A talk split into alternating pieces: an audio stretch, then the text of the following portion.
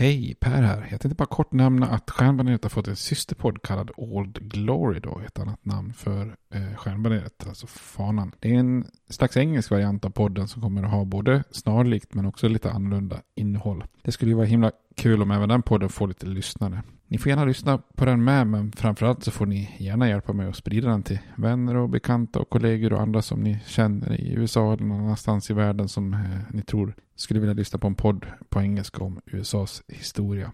Tack, det var bara det jag ville säga. Nu kommer avsnittet. Hej då! In the market for investment-worthy bags, watches, and fine jewelry, Rebag is the answer.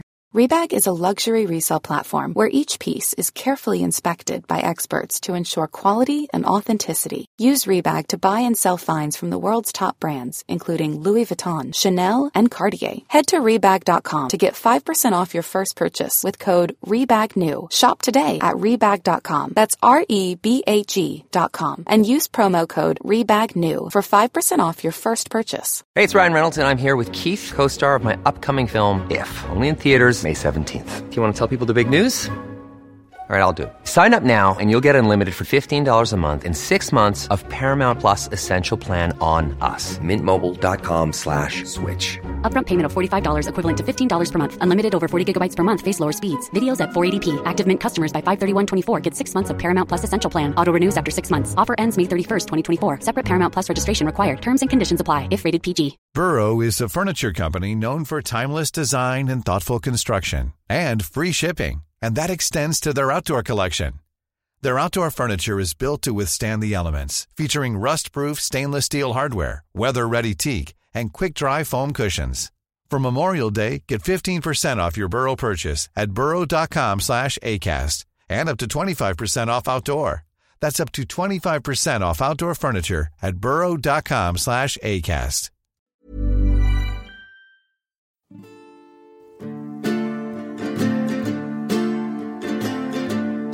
We hold these truths to be self-evident, that all men are created equal, that they are endowed by their Creator with certain unalienable rights, that among these are life, liberty, and the pursuit of happiness. Now we are engaged in a great civil war, testing that government of the people, by the people, for the people, shall not perish from the earth. And so, my fellow Americans, ask not what your country can do for you. Ask what you can do for your country. I have a dream. My four little children will one day live in a nation where they will not be judged by the color of their skin, but by the content of their character. Mr. Gorbachev, tear down this wall. I did not have sexual relations with that woman, Miss Lewinsky.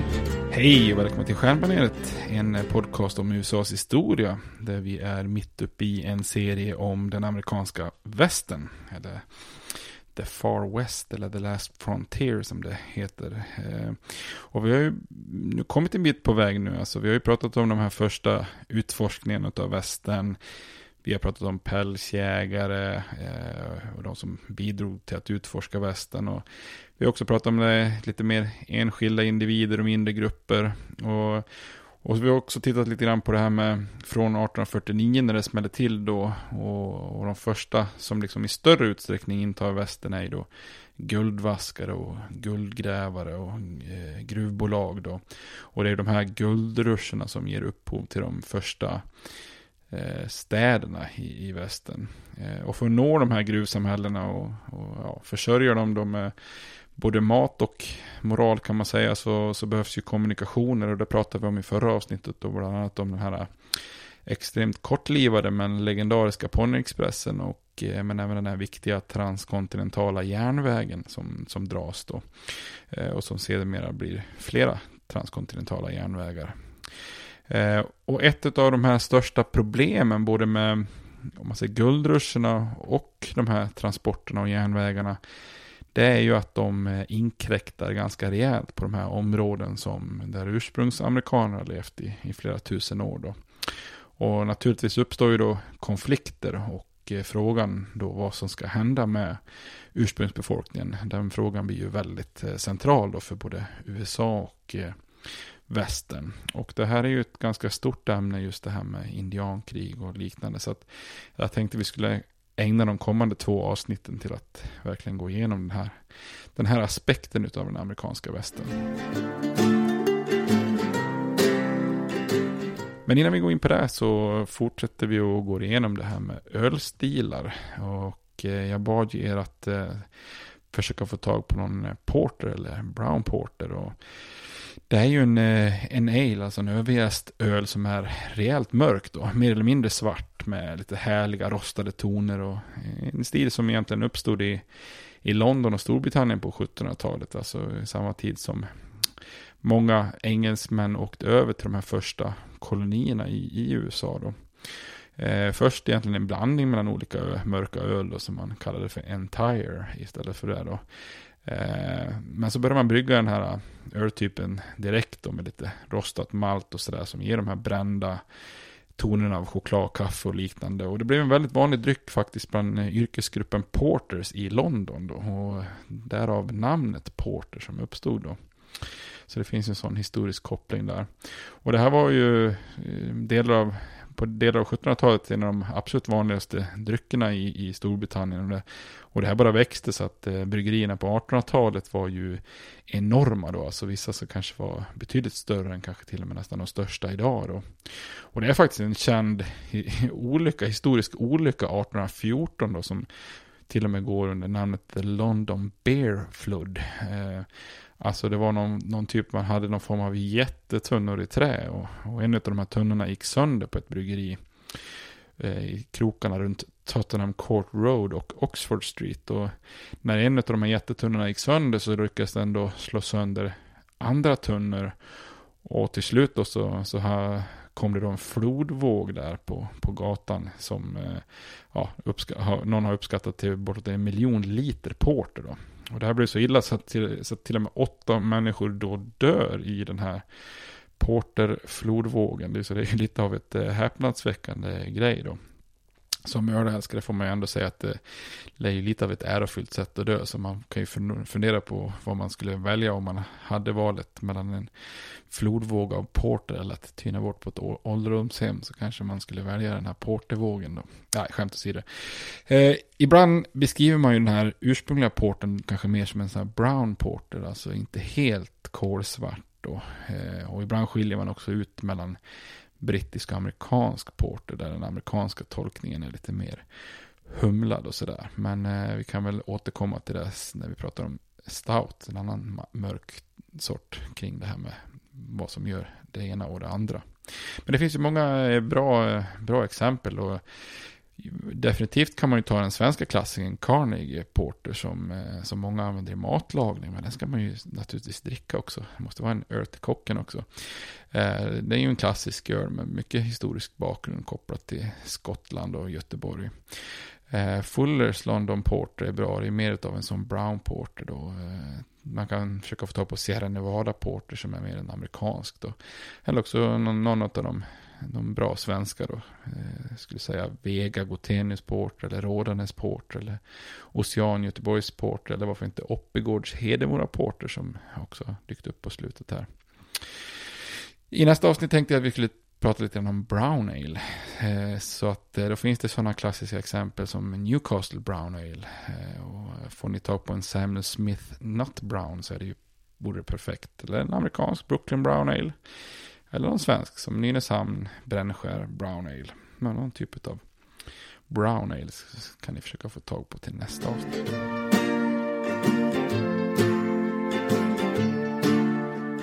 Om vi går tillbaks till eh, västern då så, så kan man väl säga att för, för USA om man tittar på 1700-1800-talet så är ju västern en slags eh, oändlig reserv av, av eh, land dit folk kan flytta och där folk kan utveckla sig. Liksom. Och att ta sig så här västerut och bygga upp sitt eget liv, eh, det är ju det som för många immigranter och amerikaner är just själva sinnesbilden av att vara eller bli en amerikan. Eh, och det finns en känd uppmaning som heter Go West Young Man. Eh, och eh, den brukar tillskrivas den här kända tidningsmannen Horace Greeley eh, från eh, tidningen New York Tribune då. Eh, och det var ju helt enkelt att man i de östra delstaterna uppmanade många att eh, försöka lämna de här överbefolkade platserna där då för att söka sig en ny framtid västerut. Och därmed också hjälpa landet att, att utvecklas.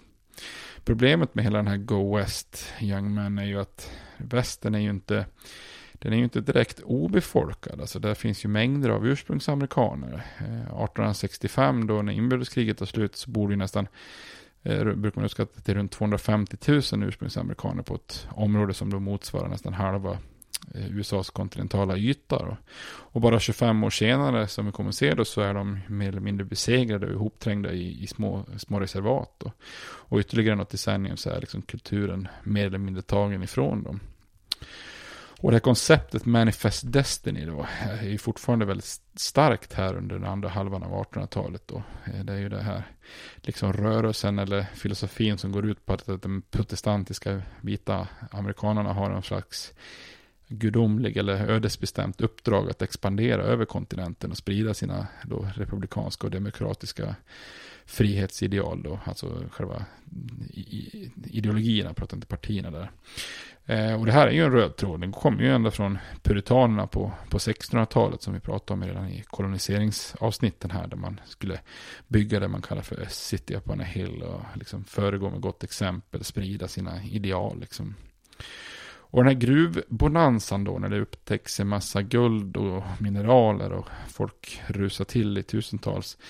Eh, det sker ju mitt bland ursprung, många ursprungsamerikaners heliga marker och den här transkontinentala järnvägen och även då eh, andra typer av transporter och vagnskaravaner går ju rätt genom jaktmarker och, och de här eh, bisonoxarnas betesområden då tvärs över kontinenten. Och eh, det här gör ju då att USA återigen tvingas ta ställning till vilken relation man vill ha med de ursprungsamerikanska stammarna. Då. Eh, det som man då på den här tiden brukar just kallas, kalla för eh, indianproblemet, Indian problem. Och då kan man väl sammanfatta med att det är ju en genuin liksom, okunskap och brist på empati och en massa blunders då bland federala tjänstemän som som skapar en period i västern då av en, en hel del indiankrig som inte egentligen slutar förrän stammarna brutits ner då och trängts ihop på små reservat. Och ursprungsamerikanernas landområden, det är ju, erövras ju då i en slags blodig process utan egentligen minsta strimma anständighet. Då. och den här processen där amerikanerna tar över västern från ursprungsamerikaner brukar kallas för eh, ändå erövringen av västern eller bara kort och gott hur västern vanns då. Och det finns ju till och med en känd tv-serie som heter How the West Was Won. Och det är ju, eh, det är ju på svenska var ju det, heter den ju familjen McKayen och det är säkert många av er som lyssnar som har sett på familjen McKayen. Den spelas ju in i slutet av 70-talet och har ju gått på svensk tv flera gånger. Och jag kommer verkligen ihåg den från sen jag var liten att man satt klistrad och jag vill minnas att jag ofta var hemma hos min mormor och morfar i, i Hedemora och att man satt klistrad där framför tvn för att kolla på hur det gick det här. Och det fanns en haltande rättskaffens gamla pälsjägaren då familjens farbror Seb eller Sebulon som Eh, Eh, som var liksom någon slags huvudkaraktär. Men också den här revolversnabba men eh, felaktigt mordanklagade Luke som, som liksom på något vis var någon slags förebild när man lekte, lekte vilda västern som liten då. Och så fanns det någon liten lillebror där, Josh, som var lite dorky och ofta fick stanna hemma. Han var väl inte den man hade som förebild direkt. Då.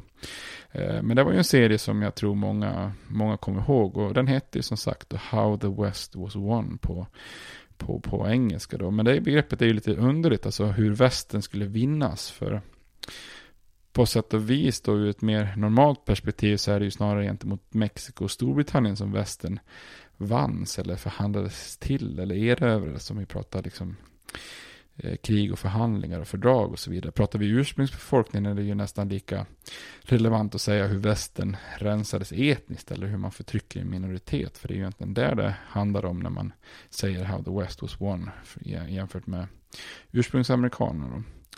Och även om man pratar om lite olika lösningar för det här så kallade då indianproblemet så finns det egentligen ingen som någonsin föreslår att ursprungsamerikaner ska ha en exklusiv rätt till de här omfattande områdena som de lever på i väst. Utan, utan frågan är egentligen om, det, om diplo, diplomati eller krig är det bästa sättet att bli av med dem så att landet kan utvecklas. Och tittar man på liksom diskussionen kring alternativet, vad som ska hända med dem efter att man har fått bort dem från de viktigaste landområdena, så handlar det liksom snarare om att ja, ändå får de ju dö, eller så får de anpassa sig till de, till de vitas levnadssätt. Och det handlar ju aldrig liksom att man ska få behålla sin, eh, sin egen kultur. Och det är klart, om, om det liksom är premisserna för all, allting, den inställningen, så är det ju inte så himla konstigt att de här stammarna i väst blir fientligt inställda då. Och det här är ju på sätt och vis inte något nytt, utan ett ganska genomgående tema i hela USAs historia av relationerna med ursprungsbefolkningen som vi egentligen har berört ganska många gånger tidigare i, i, i podd, podden då. Eh, alltså direkt egentligen när alla landområden som ska utvecklas från östkusten och framåt så, så ser man ju alltid på landområdena som ligger väster om den så att säga västerländska bebyggelsen så ser man ju alltid på den som den som outvecklad, orörd, eh, i princip obebodd. Och, den, och det kallas alltid för vildmark där, där ursprungsbefolkningen bor. Då. Och det är ju egentligen ganska befängt för landet är ju som sagt bebott av ursprungsamerikanerna och landet används ju utifrån deras livsstil och deras kultur. Eh, deras varianter av jordbruk och jakt och, och bosättningar liknar ju inte de vitas former av, av jordbruk. Alltså, eh, där europeisk, eh, europe, euroamerikaner har liksom öppna fält och bygger sina små timmerstugor och så vidare. Det, det är ju inte så man lever, men eh, blandjordbruk och jakt och olika typer av bostäder, det, eftersom det är så olikt så, så blir det som att det inte existerar hos amerikanerna. En annan aspekt av västern som är värd att nämnas det är ju också det här med att utvecklingen i västern präglas ju betydligt mer av den federala makten än delstaterna, alltså den nationella delen av USA istället för del, att delstaterna sköter sig själva. Och, och det här är ju lite tvärtom gentemot tidigare utveckling i öst. Då, för under 50 år efter inbördeskriget så styr ju den federala staten över en yta som motsvarar i princip halva landet. Och så länge detta området är territorier så är det ju den federala maktens ansvar. Så länge de inte liksom blir, utvecklas till en delstat så är det ju en federal fråga. Då. Så det här innebär ju då, alltså vi tar federala armén och federalt tillsatta territoriella guvernörer, federala tjänstemän, federala byråkrater, allt det här påverkar ju liksom expansionen västerut där man liksom normalt kanske i liksom myten sätter individer i fokus så är det ju liksom en enorm expansion av den federala statens makt som inte alls har funnits i USAs historia innan detta. Eh, och ett av, ett av stegen i det här är ju till exempel skapandet av ett inrikesdepartement för första gången 1849. Då. Där, där samlar man alla federala funktioner som till exempel byrån för indianaffärer, eh, en slags motsvarighet till Lantmäteriet, man har haft en byrå för geologisk utforskning och, och även då ansvaret för territoriellt styre då. Och samma, man kan ju säga då att det blir så att samma departement som också ska ansvara för att skydda ursprungsamerikaners rättigheter och land ansvarar också för att utmäta, utforska och distribuera mark till nybyggare och territoriella styren. Så det är ju lite ironiskt minst sagt, men eh, uppenbarligen ingenting som de funderade på då, att det var någon motsatsförhållande i det här.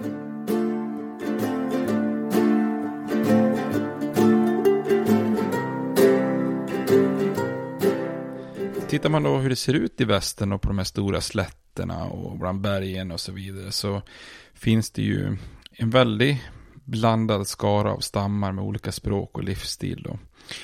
Eh, vissa av de här stammarna som finns i väster här på mitten av 1800-talet, eh, Winnebago, Cherokee, Chippewa och så vidare, de är ju lite nykomlingar i väst, alltså tvångsförflyttade dit från sina gamla landområden öster om Mississippifloden Så de har ju liksom redan råkat ut för amerikanska klor liksom i en första omgång. Då.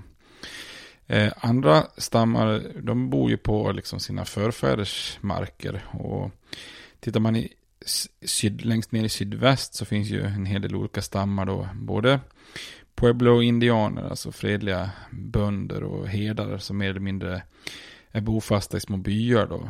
Eh, men det finns ju också en del nomadiska stammar som Ute och Navajo och Apache som, som lever i dagens eh, egentligen norra Mexiko och eh, amerikanska då New Mexico, Arizona, västra Texas och av de här stammarna så är det också lite skillnader. Ute-stammen är ju lite mer fredlig medan Navajo och särskilt Apacherna då var fruktade krigare som ofta utsatte både amerikanska och mexikanska nybyggare för räder då. På västkusten fanns ju i Kalifornien många mindre grupper som levde på både jordbruk, jakt och samling och de här decimeras extremt eh, snabbt på grund av sjukdomar som, som guldruschen i Kalifornien bidrar med. Då. Tittar man 1848, när man hittar guld i Kalifornien så finns det ungefär runt 150 000 ursprungsamerikaner. 12 år senare, efter guldruschen, har antalet nere i liksom 30 000. Så att här har liksom befolkningen minskat med 120 000 på mindre än 12 år i princip. Så det är väl den kanske värsta decimeringen av ursprungsamerikaner i USAs historia. Även om det brukar kanske inte få sådär jättestor ehm, eh, stor uppmärksamhet då. Uppe i nordvästra, dagens nordvästra USA finns ju stammar som Chinook, Yuruk och liknande som oftast lever ganska rik, rikt på liksom skogsnaturen med, med någon form av timmerhus och fiske och jakt. Och. Sen har vi kanske de, de lite mer kända stammarna som levde då på prärien och det som kallas för the Great Plains, de här stora öppna vidderna då, eh, alltså egentligen från i norr då Minnesota, Dakota-territorierna, Montana och så vidare. Och så söderut genom Wyoming, Nebraska, Kansas, Colorado och ända ner till, till liksom då New Mexico, nordvästra Texas. Och, och här handlar det ju om stammar som till exempel olika Sioux-stammar, Cheyenne, Crow, Blackfoot, Arapaho, Pony, Kiowa, Comancher. Här vill jag att jag blandar lite engelska beteckningar och så vidare. Det finns olika, otroligt många olika stavningar och översättningar och uttal och så, så att säga. Eh, de flesta av de här stammarna på slätterna är ju mer liksom nomader och, och vissa av dem ganska krigiska och, och, deras levnadssätt byggde ju egentligen helt, helt och hållet på två viktiga djur om man ser så. Hästen och eh, bisonoxen Eh, buffalon så att säga. Eh, hästen var en relativ nykomling får man säga, som anlänt från den gamla världen med spanjorer på 1500-talet. Då. Sen har då vilda hästar sen spridit sig norrut från Mexiko till de här stora prärierna där den kunde leva gott och beta och så att säga. Så det är under 1700-talet som de här stammarna eh, som levde där liksom tar till sig hästen. Och, och efter det så förvandlas ju deras livsstil en hel del. Och nu kan de ju då ta sig över betydligt större områden när man rider då. Eh, och framförallt då jaga den stora bisonoxen från hästryggen då. Så männen i de här stammarna blir ju väldigt skickliga ryttare och krigare och jägare på hästryggen då. Det är kanske det skickligaste lättare kavalleriet i världen skulle man kunna säga, även om det är svårt att, att jämföra då. Eh, och även om en eh, stam kan bestå av flera tusen individer så lever man oftast i kanske mindre grupper om 300-500 personer då. Och den här nomadstilen kom ju av att man helt enkelt följde den amerikanska bisonen, det som kallas för buffalo. Ehm, eh, så det är ju det andra djuret som verkligen liksom eh, präglar de här stammarnas liv då. För en sån här bison, amerikansk bison, det blir ju, för, för de här stammarna är det ju mer eller mindre som att ha ett Ikea, H&M och Clas Ohlson i ett liksom. För man, man använder verkligen precis allt av de här stora djuren. Alltså köttet gav dem mat, eh, av skinn och hud kan de göra kläder, filtar, tält och så vidare. Av benen så gjorde man knivar och verktyg. Av senorna gör man bågsträngar och snören och, och sånt där. Och horn och klövar kunde man koka till exempel till någon slags lim. Och, och buffel eller bisonskiten kunde man torka liksom och använda som någon slags briketter nästan, alltså en form av utmärkt bränsle att elda med då så att säga. Så just den här delen av deras livsföring, alltså att man använder precis allt av de här djuren som någon slags ekologiskt kretslopp och liksom riktigt vördade bisonen. Eh, det gör ju också deras livsstil lite skör då, för att hela livsstilen hänger liksom samman med ett djur då som vandrar runt på de här slätterna då. Så att det innebär ju att det också blir ett extremt hårt Eh, slag mot de här stammarna när då vita amerikaner till slut bara sköt av buff, buffen eller bison. Jag säger lite olika, kan man säga buffel? Ja, bison också.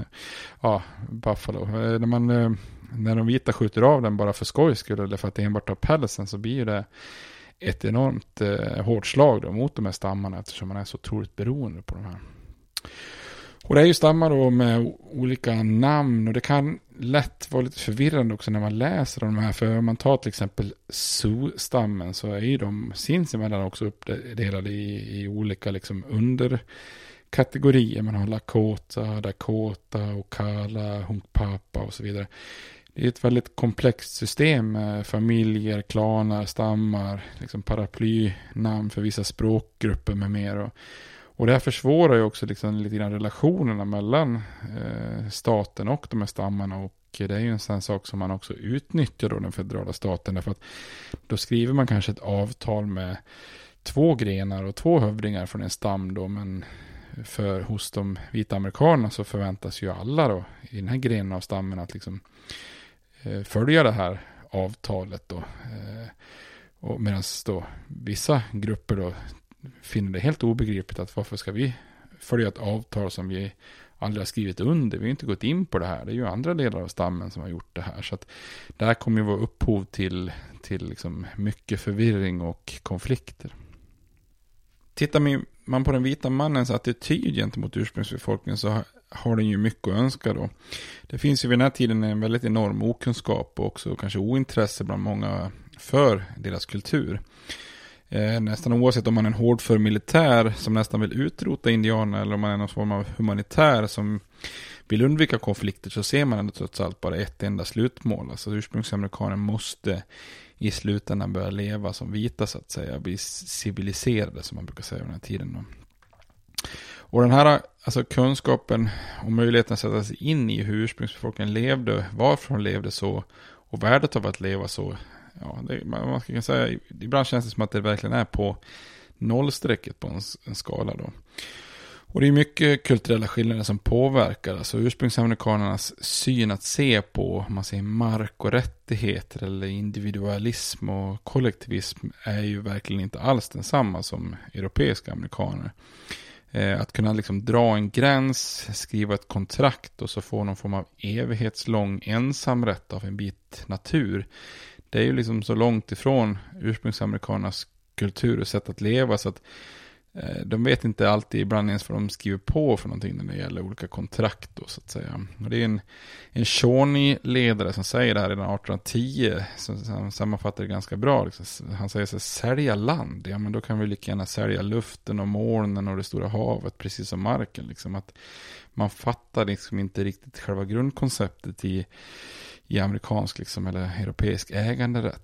Tittar man på 1860-talet då så innebär ju det egentligen lite grann slutet på en period på 30-40 år där det i mångt och mycket har varit fred mellan ursprungsamerikaner och amerikanska staten då. Eh, de sista indiankrigen hade ju varit mycket kopplade till det här kriget 1812. Och här i början på 1800-talet och fram till 1830-talet så då hade det slutat lite grann med Andrew Jacksons fruktansvärda tvångsfördrivning, alltså den här Trail of Tears. När de här fem stora civiliserade stammarna som de brukar kallas för förvisades västerut till speciella reservat, alltså Cherokee och Chickasaws och Seminoler och sånt där. Eh, innan inbördeskriget så hade ju också den federala staten använt mer eller mindre hela territoriet väster om Mississippifloden bortanför bebyggelserna som, om man säger ett enda stort indianterritorium. Så alltså tvångsförflyttningarna av stammarna från öster kombineras 1834 med ett förbud för vita att ta sig in i det här territoriet utan licens. Då. Så där liksom på slätterna och öknarna och bergen, där, där tyckte man i början på 1800-talet att det finns ju ändå ingenting för, för liksom vita amerikaner att hämta. Så att där kan väl liksom indianerna bo. Det får vara liksom bara ett stort reservat i, i, i väster. Då. Men på 1850-talet förändras ju den här situationen i ganska snabb takt och när folk vill ta sig till Kalifornien och Oregon då i vagnskaravan efter vagnskaravan som vi har sett då. Och så kommer guldruschen på det här som är också andra förutsättningar igen då.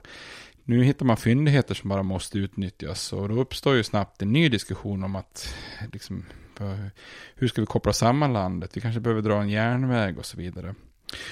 Och för att möta efterfrågan och skapa förutsättningar för det här så förändras ju den federala policyn gentemot eh, stammarna. Så istället för att se hela västen som ett enda stort reservat så gav man olika stammar och specifika, mer avgränsade reservat i, i samband med ett par fördrag då på 1851 till 53 då. Och det här är områden som för eh, liksom, vita var ganska omfattande. Men trots att det var så så var det ju ändå trots allt problematiskt. För många av stammarna kände, kände de här områdena som lite små och trånga utifrån deras livsstil. Och det är väl lite grann där problemen börjar då på 1850-talet då. Eh, många, många av stammarna är ju vana att hela tiden flytta runt som de nomader som de är då. Använda större jaktområden. Och tycker att det är jäkligt svårt att anpassa sig till någon form av gräns som är uppsatta i något fördrag då. Och det leder ju till att man ofta rör sig då utanför de angivna reservatområdena då. Samtidigt som då vita nybyggare och guldsökare börjar ta sig västerut i stora strömmar. Och, och, och, i sin tur kräver att federala soldater ska skydda dem då. Så det är liksom verkligen upplagt för, för konflikt. Och mycket riktigt så blir det då en massa eh, så kallade indiankrig då.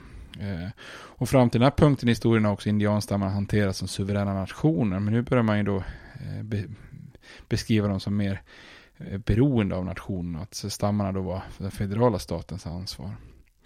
Problemet för just den federala staten är ju att på den här tiden speciellt då är ju den federala staten extremt minimalistisk då. Eh, så man har ingen möjlighet att överhuvudtaget kontrollera medborgarnas handlingar då. Så att när folk börjar strömma västerut här så man har ingen som helst kontroll över, över situationen då. Eh, och resultatet blir då också att nybyggare på plats i västern, de börjar ju agera eh, lite som de vill då. Så på 1850 och 60-talet blir, blir resultatet att ett antal av stammarna som inte då tolererar nybyggarnas beteende börjar ju slå tillbaks då. Eh, som start för den här tiden så blir det ju ett antal indiankrig och mitt under inbördeskriget så är det ju liksom en väldig kamp om, om resurser naturligtvis. För då ska man ju även slåss i, i, eh, inbördeskriget då. Men samtidigt, mitt under brinnande inbördeskrig så är det många som tar sig västerut och vill börja bygga hus och orter och järnvägar då. Och armén är ju en viktig aspekt och för efter inbördeskriget när, när det tar slut 1865 så är ju armén väldigt stor. Och även om den bantas ganska snabbt då efter kriget så, så finns ju trupper kvar nu då som kan skickas västerut. Och, och då, först hamnar ju trupperna ganska mycket kvar i södern då, men när trupperna i söder successivt dras bort då, som vi pratade om i de här avsnittet om rekonstruktionen då, de sista trupperna dras ju bort efter den här kompromissen 1877, så när de successivt försvinner från södern så, ja, vart skickas de? Naturligtvis västerut då. Så då blir det lite som gjort för konflikt eh, bara genom att vara där och ha som uppgift att skydda nybyggare och de som bygger den kontinentala järnvägen så, så blir det liksom en, en möjlighet till konflikt. Eh, och innan nybyggararmén kommer så finns ju ett lapptäcke av olika stammar, allianser och fiendeskap mellan stammarna. Så bara genom att börja kriga mot vissa stammar och placerar stammarna i reservat så bidrar ju armén med att förändra liksom, levnadssätt och, och traditionellt liv. Och alla indianer som inte befinner sig på de här avsedda reservaten, även om de är stora, så betraktas de ju helt enkelt som fientliga då. Och, och vissa stammar har inga som helst fientliga avsikter. Men råkar man komma lite grann i arméns väg så, så riskerar man ju att bli behandlad väldigt illa och till och med dödas eller torteras är ju inte ovanligt då. Eh, och då uppstår den här gamla sanningen om att alla bra indianer är en död indian då. Och det naturligtvis skapar det oerhörd ilska bland stammarna då. Så på många sätt är det inte så konstigt att det blir konflikter. I inbördeskriget har ju dessutom gjort att vapen är väldigt tillgängligt. Så att många som drar västerut från öst, eh, där inbördeskriget, inbördeskriget nyss har rasat, har ju också med sig vapen då. Så antalet familjer som äger ett vapen ökar ju rejält av inbördeskriget.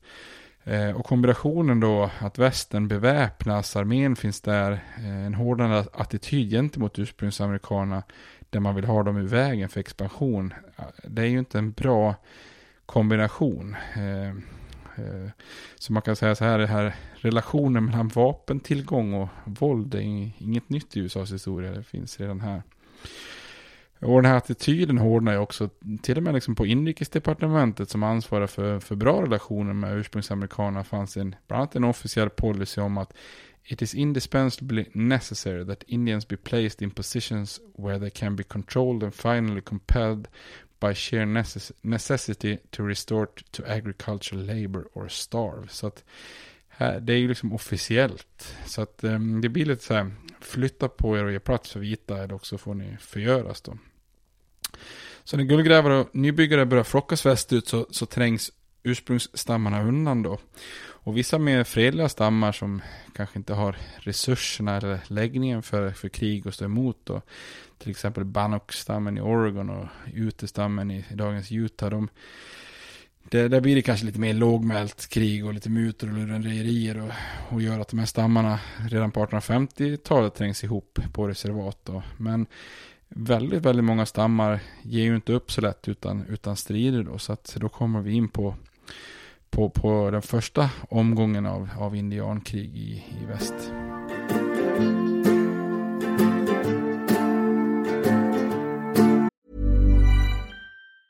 Many of us have those stubborn pounds that seem impossible to lose, no matter how good we eat or how hard we work out. My solution is plush care. PlushCare is a leading telehealth provider with doctors who are there for you day and night to partner with you in your weight loss journey. They can prescribe FDA-approved weight loss medications like Wagovi and Zepbound for those who qualify. Plus, they accept most insurance plans. To get started, visit plushcare.com slash weight loss. That's plushcare.com slash weight loss. Hey, it's Ryan Reynolds, and I'm here with Keith, co-star of my upcoming film, If, only in theaters May 17th. Do you want to tell people the big news? All right, I'll do. Sign up now and you'll get unlimited for $15 a month in six months of Paramount Plus Essential Plan on us. Mintmobile.com slash switch. Upfront payment of $45 equivalent to $15 per month. Unlimited over 40 gigabytes per month. Face lower speeds. Videos at 480p. Active Mint customers by 531.24 get six months of Paramount Plus Essential Plan. Auto renews after six months. Offer ends May 31st, 2024. Separate Paramount Plus registration required. Terms and conditions apply if rated PG.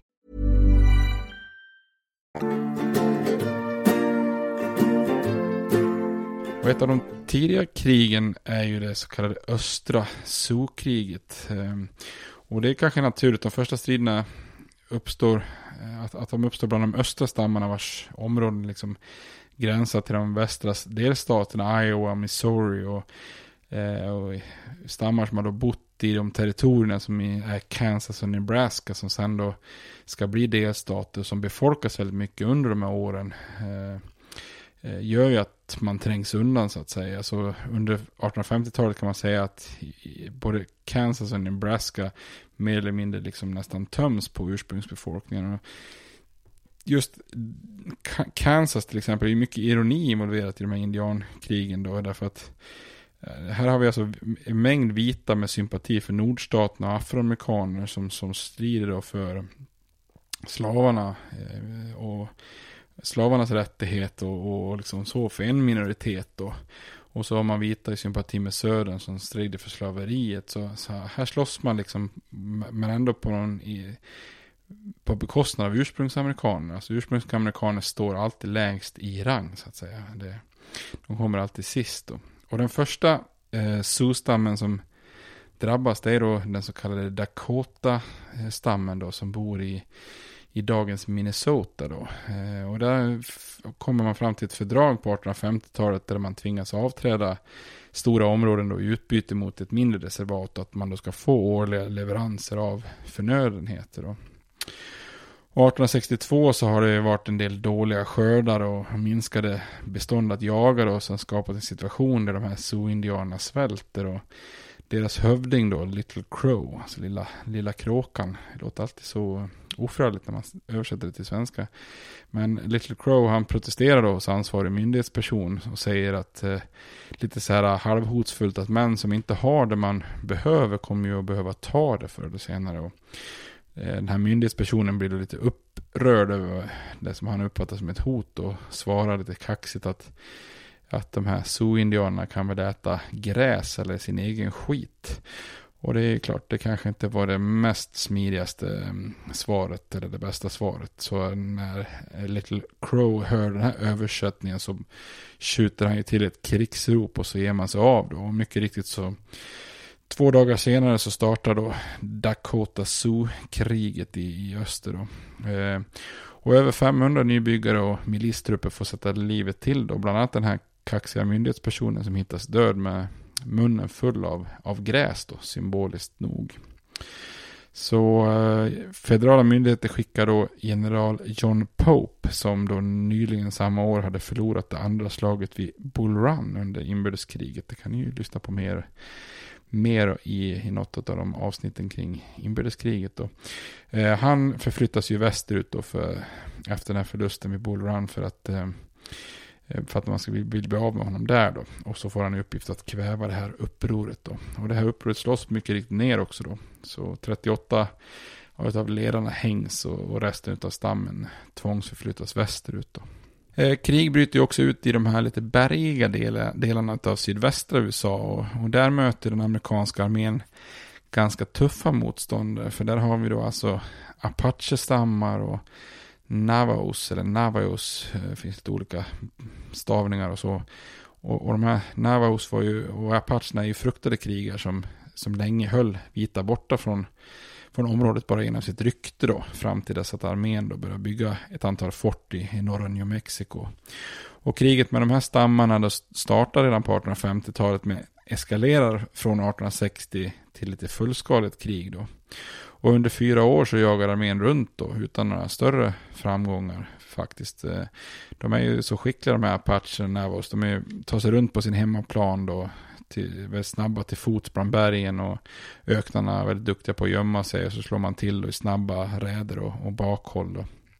Så 1863-64 där så kavlar armén upp armarna och, eller ärmarna och eh, sätter på sig hårdhandskarna. Och i över 100 små drabbningar så dödas över, över 600, 600 indiankrigare och, och nästan 9000 tas till fångar då, bland annat av eh, överste Kit Carson som, som dyker upp i västens historia lite, lite då och då. Och det, de, de, de order som Carson får från sitt befäl är, lyder så här då. There is to be no council held with the Indians or any talks. The men are to be slain whenever and wherever they can be found. The women and children may be taken as prisoners. Observera då att may be taken as prisoners. Det är inte nödvändigt så att säga. Man, får, man kan döda dem också så att säga. Och Navajo-stammen besegras till slut då. Eh, över 6000 Navos tvingas att kapitulera då. Och eh, tvångsförflyttas österut till ett reservat då, så, och deras den här promenaden eller vad man ska säga, eller färden brukar kallas då för the long walk, den långa vandringen då till ett reservat långt bort där man knappt kunde försörja sig. Eh, och det var ju liksom i princip kan man säga tårarnas väg då, Trail of Tears i repris fast, fast i väst då. Apacherna då däremot är ju lite svårare att besegra då. Och eh, Apacherna är ju också då som ett nomadiskt folk som levde i dagens Arizona, New Mexico och söder om gränsen även i, i det faktiska Mexiko. Då. Eh, och de lever ju väldigt skyddade i bergen och gör, gör snabba räder. Eh, och de är ju liksom på något vis krigiska mot alla. De gör räder både mot de här andra stammarna, de här lite mer fredliga Pueblo-indianerna, men också mot både mexikanska och, och amerikanska bosättningar. De, de skiter lite grann i att det går en gräns mellan två eh, länder där då. Eh, och i februari 1861 så blir en av de viktigaste hövdingarna, Apache-hövdingarna, Coachy, han blir felaktigt arresterad anklagad för att ha fört bort en eh, ranchägares barn då. Trots att det här var en helt annan Apache-stam som var ansvarig för det här. Så han eh, svär sin oskuld och, och lovar att försöka hjälpa ut det här. Men armébefälet tänker ändå arrestera honom. Han, han kanske tänker lite så indian som indian då. Men coach, han lyckas fly då genom att dra, en, dra fram en dold kniv liksom och skära upp en tältvägg och bara kasta sig ut. Och väldigt eh, dramatisk eh, scen där då. Eh, men dessvärre blir ju hans bror och några andra eh, Apache-indianer då behålls ju då eh, arresterade som en slags gisslan. Eh, och det här slutar med att coachen själv tar en egen giss, gisslan av amerikaner för att försöka förhandla till ett gisslanutbyte. Men de här förhandlingarna funkar inte och, och slutar med att båda sidor faktiskt eh, dödar sin gisslan då. Och det här leder till många års grillakrig och våldsamheter. Och eh, Kit Carson genomför ju också en kampanj mot Apache-stammen 1863. Och, och vissa av de eh, stammar, understammarna får flytta in i ett reservat. Då, men, men trots att man fångar och torterar vissa Apache-hövdingar och att flera hundra dör i de här striderna så, så är det många apacher som lyckas hålla sig undan där i bergen eller genom, eller genom att fly till Mexiko stundtals. Då. Eh, så istället för att egentligen pacificera apacherna så, så är detta början på en nära nog ja, ska man säga, 20 års lång eh, kamp då med konstanta strider. Då. Eh, och Apache-stammen var till slut en av de absolut sista som ger upp för den amerikanska armén. Då. Eh, en av de sista hövdingarna är känd då, Geronimo, som vi kommer att komma till. Och han ger inte upp förrän 1886 egentligen. Men de eh, krigen som man kanske främst tänker på när det gäller västern, det är ju oftast de här mot de här stammarna ute på de här stora slätterna då, eh, Great Plains. Och Även om de här stammarna bland bergen i sydväst har varit, har varit svåra nog så, så kanske det ibland till slut har varit ännu värre att försöka kuva de här stammarna. Det är då eh, stammar som Sioux och Cheyenne i norr då, och, och även en Cheyenne-stam i söder då, tillsammans med Kiowa och Comanche. Då. Det här är ju skickliga krigare till häst och de kunde ju komma svepandes där över vidderna och plötsligt gå till anfall och försvinna lika snabbt som de, de dök upp då. Eh, och de har ju, har ju en enorm skicklighet till häst. De kunde ju liksom hänga längs sidan av hästen, nästan under sina hästar för att skydda sig. Och sen jäkligt hastigt ta sig upp på hästen igen, snabbt med vapen och börja strida. Och, och på slätterna när de strider och i liksom full galopp så är ju oftast de här krigarnas pilbågar ett ofantligt mycket mer effektivt vapen än kavalleriets då mynningsladdade bössor.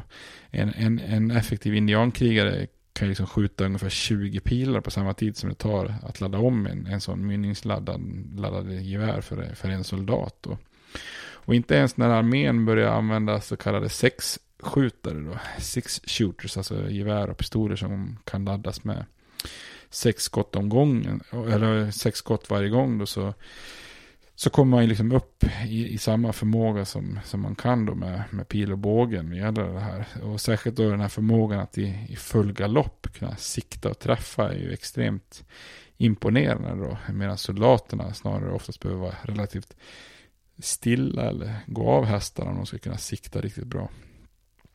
Så de här indiankrigarna på, på de stora slätterna är ju en riktigt tuff motståndare för den amerikanska armén då. Trots att man liksom har en massa stridsvana sen sen inbördeskriget så, så, så har man svårt för de här stammarna. Man hade ju antagligen, de här stammarna hade antagligen varit en utmaning för vilken armé som helst under den här tiden. Utan som jag sa innan, det kanske är ett av de bästa lättare kavallerierna i världen vid den här tiden. Då. Eh, men så sent som under Kaliforniens guldrush, alltså när den startade 1849 och och så, så verkar ju konflikten med de här stammarna på de stora slätterna ganska avlägsna. Alltså de flesta som är på väg till västkusten bara korsar ju landet. Då. Men när allt fler mineraler upptäcks på fler ställen och amerikanerna börjar etablera transportföretag och så då, då blir ju till slut konfrontationer omöjliga då. Eh, så den här policyn med att ha västen som ett enda stort reservat faller ju liksom platt där. Eh, nu måste man ju liksom lösa det här. Så redan 1851 har man ju då försökt att eh, tilldela stammarna då i en konferens, konferens i Fort Lamar.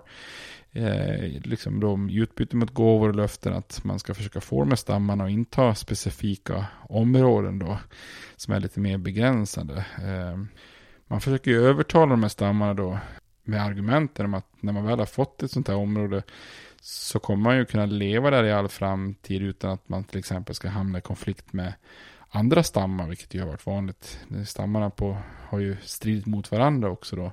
Men vad man inte talar om är ju att det för, för den federala staten blir väldigt mycket enklare sen att börja tvångsförhandla och minska de här områdena som stammarna tilldelas i efterföljande förhandlingar utan att andra stammar upprörs. Därför att då har man ju stammarna liksom att hantera en och en där.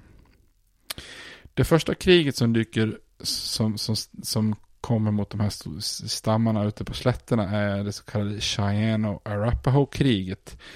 Eh, och det kriget är egentligen eh, i princip en direkt följd av den här guldruschen vid Pikes Peak i Colorado som vi pratade om i, i avsnittet vi pratade om guldruscher. Då. till slut har ju liksom runt 100 000 personer tagit sig liksom in då mot de här guldrushområdena i Colorado 1859 då. Och det här är ju områden där den södra Cheyenne-stammen och Arapaho-stammen bott då. Så man tvingas liksom successivt undan här. Och då många av hövdingarna inser att nu håller vi på att bli helt instängda mellan guldgrävare från, från väst och liksom nybyggare från öst då. Eh, och för att lösa situationen så erbjuds de här stammarna liksom då mindre reservat. Eh, och, och, man försöker mer eller mindre tvångsförflytta dem. Men de stammarna vägrar att sälja då. Och det här leder till mycket strider då. 1859 till, till 1864 då. Och stora delar av Colorados landsbygd ödeläggs här då. Eh, staden Denver blir väldigt isolerade då. Och värst är oftast de så kallade dog soldiers då, eh, hundsoldaterna som är en en militant gren av lite yngre krigare i Cheyenne-stammen. Och situationen är så desperat att man faktiskt låter konfedererade fångar eh, flytta sig västerut för att bemanna vissa fort i väst och mitt under inbördeskriget för att lösa det här problemet med det här kriget. Då. Men en av eh, de viktigaste Cheyenne-hövdingarna som kallas för Black Cattle, eh, han vill egentligen försöka skapa någon form av fred och lugn för sitt folk och försöker förhandla då. Och efter fem, fem års strider så har man nått någon form av typ fred. Där eh, Black Cattle tillåts slå sig ner med 700 i sin stam vid Sand Creek i eh, östra Colorado. Och om de regelbundet rapporterar till armén så lovas de att de ska kunna bli lämnade i fred där då. Guvernören i Colorado-territoriet som heter John Evans. Evans har dock inte för avsikt att eh, hålla den här uppgörelsen. Så att man kan säga att bläcket har knappt hunnit torka på den här fredsuppgörelsen innan guvernör Evans låter armén anfalla Black Cutters lä läger här. Och här kan man väl tänka sig att han Evans har sina ögon på en plats i, i senaten och tror att ett sånt här anfall ska göra honom populär då.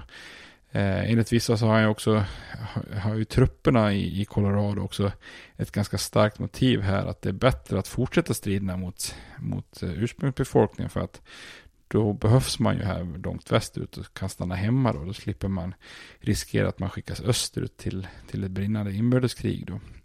Så till en bekant säger Evans eh, faktiskt rätt eh, rätt rakt på sak att What shall I do with the third Colorado regiment if I make peace? Eh, they have been raised to kill Indians eh, and they must kill Indians. Då. Så att eh, här kommer att leda till en ganska hemsk situation då. Och den som sköter det här anfallet som kommer att inträffa är då överste John Shivington. Eh, samma man som vi nämnde kort när vi pratade om slaget vid Glorieta Pass 1862 under inbördeskriget. Ett av de här slagen längst i väster som, eh, som utspelar sig under den här New Mexico-kampanjen. Vi pratade om det för något avsnitt sen då. Eh, och den här John Shivington, han är också känd för att innan anfallet har sagt I want no peace till the Indians suffer more. Eh, så att det här är ju ingen skön snubbe, alltså det får man ju säga. Så i gryningen den 29 november 1864 så omringar Shivingtons milistrupper eh, Black Cattles läger och anfaller med 600 soldater. Och det här tillfället är väl valt eftersom många av de yngre indiankrigarna var, på, var iväg på jakt och inte fanns i det här lägret. Och Chemingtons soldater då, av vilka många är berusade, har egentligen order då om att döda alla de ser då. Och i den här förvirringen som uppstår då så försöker ju Black Cattle att vifta både med den amerikanska flaggan och en vit flagga för att han har ju ingått ett avtal liksom. Men eh, det är förgäves då. Så män, kvinnor och barn får ju fly genom lägret bort mot flodbanken vid Sand Creek då. Och försöka in bland klippor och gömma sig. Men de här milistrupperna drar fram då. Många kvinnor och barn dras fram liksom och mördas. Eh, ett av vittnena till det här är handelsmannen George Bent som faktiskt var gift då med en Cheyenne-kvinna som var systerdotter till Black Cattle. Som, och han, Bent, George Bent, han bor då med stammen och såg det hela. Och, eh, Det här är alltså sonen, det här namnet Bent är ganska vanligt. Det är, ju sonen till William Bent, en av de bröderna som byggde en handelsstation, Bents Ford, längs Santa Fe handelsleden som vi pratade om för något avsnitt också. Man märker att världen är liten men västern är liten. Det är många som kommer igen här. Då. Och Bent själv var ju en av de som, som ändå lyckas fly och överleva den här massakern då. Eh, men han beskrev den och då förstår man att det kanske inte var så det är jättetrevlig händelse här. Han, han, säger så här. They were scalped, their brains knocked out. The men used their knives, ripped open women, clubbed little children, knocked them in their heads with their guns, beat their brains out, mutilated their bodies in every sense of the word. It was slaughter. Så att eh, han, han, det han beskriver är ju liksom bara en fruktansvärd brutal slakt, liksom en slags massmord. Och så på bara ett par timmar så har så, så skryter Shivington att han har lyckats döda 450 Cheyenne-människor. Eh, eh, Eh, det är Black Cattle själv då, några få yngre krigare och, och, och den här Bent som, som lyckas eh, egentligen fly och överleva. Då.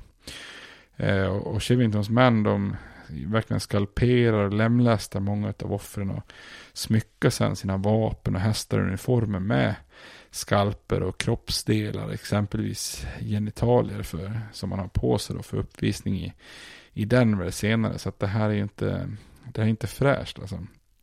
Kanske skulle ha gjort en eh, förvarning om avsnittets innehåll egentligen eh, innan, innan man pratar om sådana här hemskheter egentligen. Då. Eh, och det sjuka är ju då att en lokal tidning i Colorado då beskriver ju händelserna med de här milistrupperna som var stora hjältar. Och Många inom armén ser heller inget fel i truppernas agerande. General Philip Sheridan, känd från inbördeskriget, som har ett högt befäl nu inom armén, levererar ju bland annat den här legendariskt idiotiska frasen The only good Indian I ever saw was dead. Eh, Were dead. Eh, men bland politiker och, och, folk i öst, i Washington och så, så är det ju många som fördömer den här massakern. Och till och med en sån hårdnad veteran som Kit Carson menar att det kan bara ha varit en otroligt feg person som gör något sånt här fruktansvärt då. Så gu guvernören Evans istället för att avancera så tvingas han ju avgå. Chevington avskedas också då. Eh, men på något vis, skadan är ju såklart redan gjort. Och i ett svep så är ju allt förtroende mellan stammarna i väst och amerikanerna förbrukat då. Så Sand Creek-massakern får ju rejält med följder. Eh, tidigare har kanske vissa stammar varit splittrade mellan de som vill ha fred och de som vill ha fördrag och de som vill strida då. Men efter den här massakern så vill ju nästan alla strida istället då. Så på sätt och vis kan man säga att hela västern exploderar i krig efter Sand Creek-massakern och att det resulterar i nästan 20 år av mer eller mindre konstant krig mellan federala armén och, och de här stammarna som Cheyenne och Sioux och så vidare. Och det är oftast de här åren som skildras liksom i många västernserier och filmer där nybyggare är nervösa över att indianer ska dyka upp när som helst och, och anfalla dem så att säga. Men det här var ju, den här massakern äger ju rum under inbördeskriget och när inbördeskriget är slut så kan ju armén börja skifta då välbehövliga resurser västerut. Och, eh, lite ironiskt nog så rekryterar armén soldater för indiankrigen, bland annat bland konfedererade krigsfångar och afroamerikaner. Så de som strider för armén i väst mot ursprungsamerikanerna är ju liksom en slags konstig mix av yankee-veteraner och vittvättade rebeller och forna slavar kan man säga. Och de närmast drabbade går ju på krigsstigen eh, först och under vintern 1864-65 så går ju resterande delar av Cheyenne, den södra Cheyenne-stammen och Arapahoes på krigsstigen då. Men hotet om ytterligare en sån här massaker gör att de här stammarna fredsförhandlar 1865 och lägger ner vapnen då.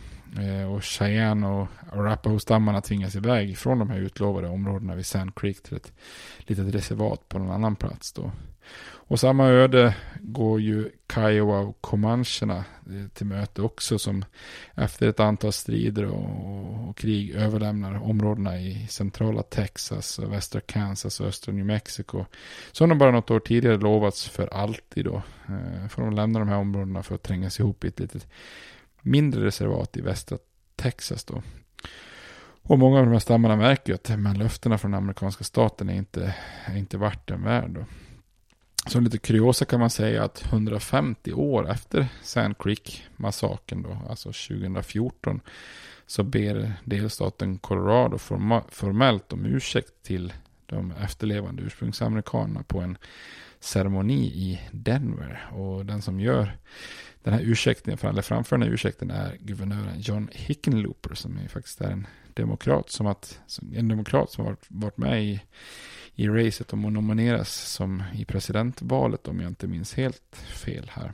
Jag är ju mer nördig när det gäller historia än nutid. Eh, ibland får, är det många som nördar ner sig i det. Jag, jag gillar mer att bry mig om saker som, som verkligen får en historisk betydelse än, än så kandidater som kanske snart är glömda men som, som många pratar om nu. Men jag har för mig att, att han, Hickenlooper har varit med i, i de här svängarna.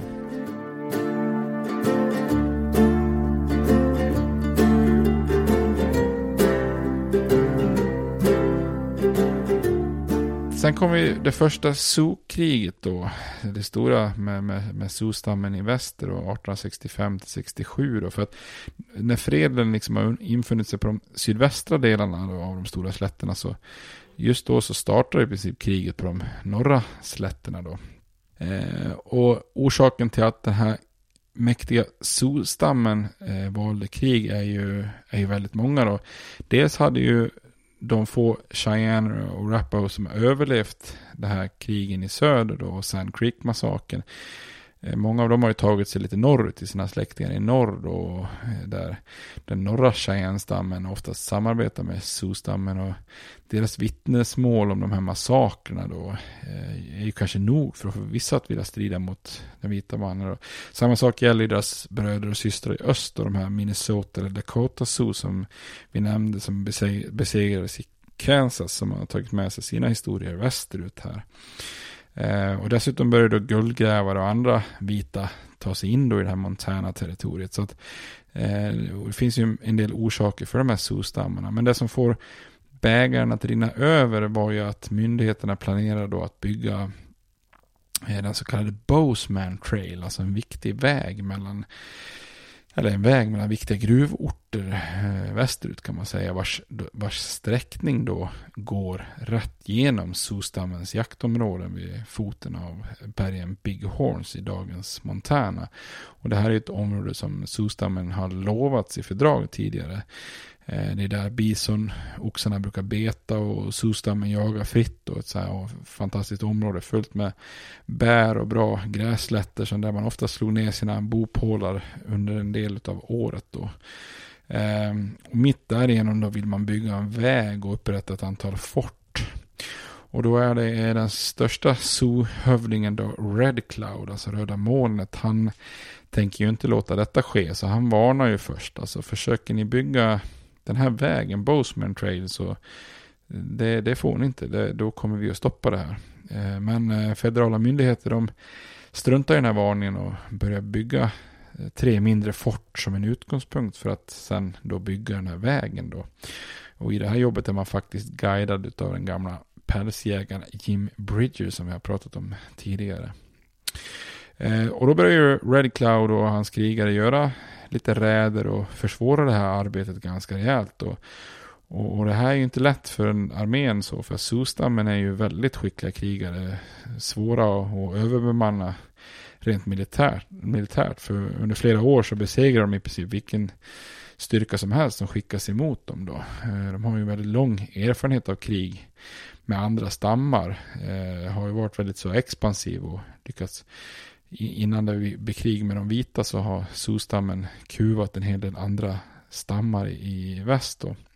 Så de har ju lång erfarenhet av, av, de här, av krig i väster. Och det är ibland till deras nackdel också får man väl säga för vissa andra stammar som tidigare besegrats av Sioux-indianerna är ju också villiga att hjälpa den federala armén som, som hämnd kan man säga. Då. Men klimax i de här striderna mot eh, Red Cloud och Sioux-stammen kommer ju 1866 i det som får namnet Fetterman-massakern. Eh, och då är det som ett, man kan säga som ett svar på attacker runt ett av de här forten man bygger, Fort Kearney, så, så då rycker en styrka ut under kapten William Fetterman ut från det här fortet för att skydda en transport. Och han, Fetterman är ju en veteran från inbördeskriget och han, han lär ha varit så kaxig, kaxig så han sa Give me 80 men and I'll ride through the whole Sioux nation, har han sagt då. Eh, kanske lite, eh, lite hybris på det uttalandet då. Eh, och hans befäl är också oroliga att han tänker spela ut hjältekortet här. Och den här oron är ju, visar sig också vara befogenhet. Eller befogad då. För trots, trots order om att inte avancera för långt ifrån fortet utan understöd så, så luras eh, Fetterman in i en fälla då. Så att eh, Red Cloud han skickar fram några unga krigare. Eh, bland annat en väldigt ung Crazy Horse som vi kommer att prata mer om i nästa avsnitt tror jag. Eh, de här krigarna agerar lite lockbete och han Fetterman han, han går på det här direkt, sväljer det med hull och hår. Så han anfaller de här i en dalgång och när han anfaller den här lilla styrkan så då dyker ju Red Clouds krigare upp från i princip alla håll. Då har man legat i, i gömt sig då för det här bakhållet. Och det här innebär ju då att man eh, kan massakrera dem. Eh, man omringar dem och massakrerar dem ganska snabbt. Och så så den här Fetterman och alla hans 82 män dödas ganska snabbt och kropparna skändas ganska svårt som straff då eftersom zooindianerna tror att då kommer inte de här kropparna kunna nå eftervärlden. Så det är ju liksom som en hämnd då. Och det här är ju det dittills värsta nedlaget för armén på de, på de stora slätterna. Så det här tar ju lite hårt då.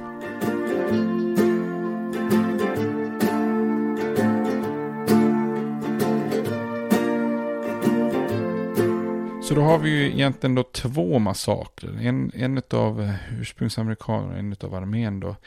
Eh, och när de här nyheterna når östkusten av Washington då om de här Sand Creek och Fetterman-massakerna så, så är, råder det då en intensiv debatt i, i Washington då vad man ska göra eh, och vad man ska ha för policy gentemot ursprungsamerikaner och stammarna i väst. Eh, och vissa vill ju ha mer fredlig lösning där man vill satsa på att utbilda och så att säga civilisera de här stammarna. Andra menar att de här vildarna kommer vi aldrig kunna civilisera utan de måste bara bekämpas och kuvas då. Och, eh, och eh, den vita befolkningen på plats i väster de rapporterar ju konstant att de är rädda och det skapar en massa okontrollerade rykten som späder på den här rädslan. Och i väst då förespråkar man ju en otroligt hård kontroll av, av vad man säger, vildarna då. Snabb vedergällning ifall de inte håller sig till resultaten. Och, eh, och den här situationen är ju problematisk ur flera aspekter kan man faktiskt säga. För för det första är ju ansvaret delat mellan inrikes och krigsdepartementet. Så indianagenterna på inrikesdepartementet, för de försöker förhandla eller muta och köpa indianerna på fredliga vägar. Medan armén då på krigsdepartementet, de straffar indianerna för minsta lilla brott som, som då skapar krig. Så att det är ju ett problem. Ett annat problem är ju den här okontrollerade situationen. Att guldgrävare och bosättare tar sig västerut in på de här markområdena som har lovats stammarna. Och varken stammarna eller inkräktarna kan ju få något federalt skydd för att armén är inte så stor och kan inte vara överallt. Eh, när president Grant eh, tillträder så driver ju han på då för att utarbeta en ny indianpolicy. Eh, och precis som republikanerna vill stoppa då alla de här rasisternas våld mot afroamerikaner i söder så är man minst lika ivrig att stoppa våldet mellan in, indianer och nybyggare i, i väst. Då. Så kongressen utser i mars 1867 en fredskommission bestående av fyra civila och tre generaler då med, med uppdrag att avsluta sokkrigen och försöka hitta en bestående lösning för stammarna i väst. Då. Så man kan säga att de humanisterna som vill göra lite, använda lite diplomati och förhandlingar, då, det är de som vinner i Washington. Tyvärr hjälper ju inte det stammarna, för det innebär ju klumpigt nog att man försöker övertala stammarna att överge sin nomadiska livsstil och slå sig ner i ännu mer begränsade reservat som bönder. Och det här med att ha västen som ett enda stort reservat hade ju i ett första steg övergetts till förmån för liksom mer avgränsade områden för stammarna som fortfarande var lite större. Men det i sin tur övergavs ju nu då för en policy av lite mindre koncentrerade reservat på platser där, där liksom ursprungsfolken verkligen inte ska vara i vägen för utvecklingen och där de då i, i sin tur kan försörjas och, och, och, kontrolleras. Då. Och det här är den enda lösningen man kan se då på västens ras, rasproblem. Att liksom segregera och isolera indianerna där den federala makten sen kan agera lite förmyndare och lära dem så att, att vara stillsamma jordbrukare och anamma den vita mannens levnadssätt. Och, eh, och kanske då i förlängningen i bästa fall blir någon form av laglydiga medborgare. Då. Eh, och det här, det här är ju en policy som funkar även både för de som vill expandera västern och de humanitära förespråkarna i Washington som inte förstår bättre. Att både, både guldgrävare och nybyggare kan ju skyddas genom att man då kan slå sig ner på marker som stammarna har överlåtit. Och stammarna kan själva skyddas då från omoraliska och våldsamma män i västern. Då. Så den här fredskommissionen håller någon konferens i St. Louis. Där skapar man då två områden av, av reservat. Dit eh, alla stammar på de här stora slätterna skulle flytta då. Och inom varje område så tilldelas sen varje stam en egen markplätt då. Eh, och på plats skulle det också finnas då vita tjänstemän som, som guidar dem rätt i den här civiliseringsprocessen då. Så de ungefär runt 54 000 ursprungsamerikanerna på de norra slätterna, de skulle flytta in i ett område Eh, eller i området Black Hills i, i Dakota-territoriet. Och fördelen med det här området var att det ansågs ligga långt ifrån transkontinentala rutter och var så berget att ingen nybyggare skulle söka sig dit, vilket vi sen kommer att se eh, faller helt eftersom man kan, kan hitta guld i det här området. Och de 86 000 ursprungsamerikanerna som, som lever på den södra slätterna, de skulle flytta in i det så kallade indianterritoriet, vilket egentligen motsvaras i princip av dagens eh, delstat Oklahoma.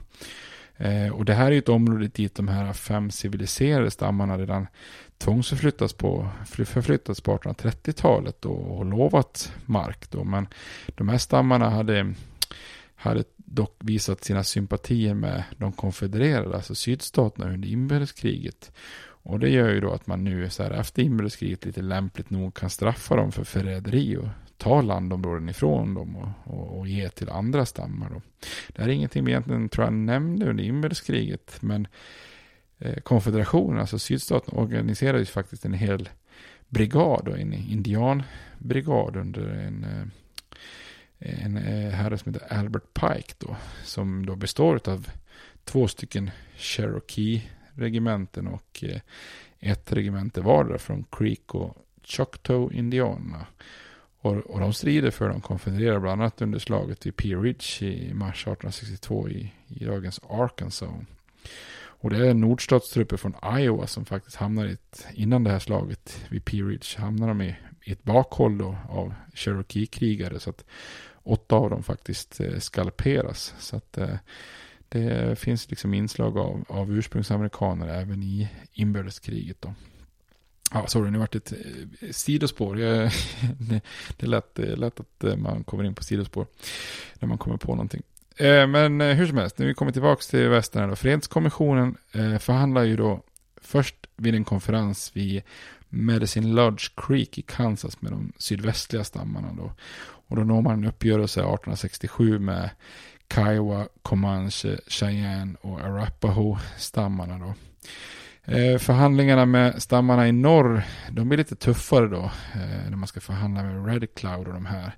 Man träffas 1868 vid Fort Lar Laramie eh, och når då en uppgörelse först efter att man har fått lov och gjort eftergifter från båda sidorna då.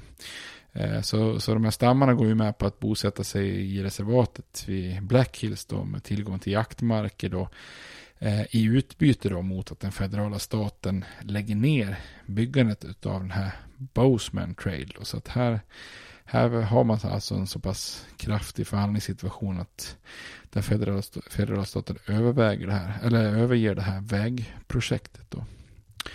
Och de här fördragen vid Fort Laramie och Medicine Lodge, det, det rensar ju egentligen ursprungsbefolkningen från de stora slätterna.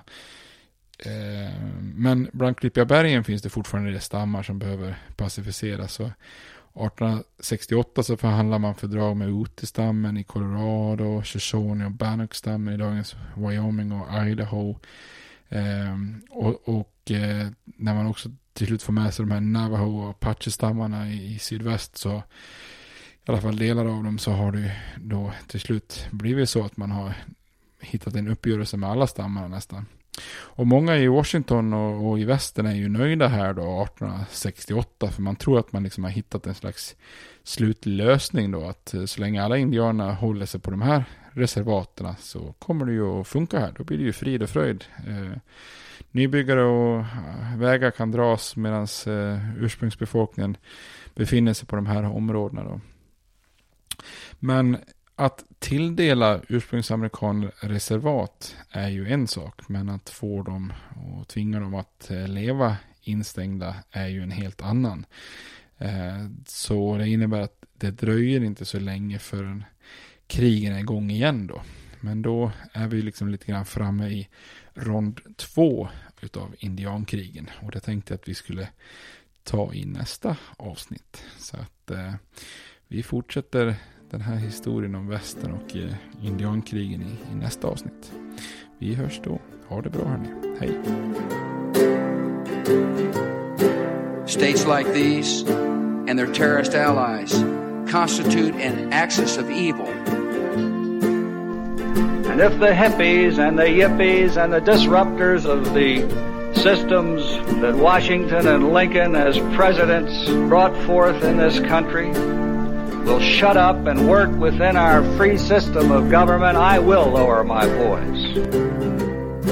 If the impeachment provision in the Constitution of the United States will not reach the offenses charged here, then perhaps that 18th century Constitution should be abandoned to a 20th century paper shredder. Therefore, I shall resign the presidency effective at noon tomorrow.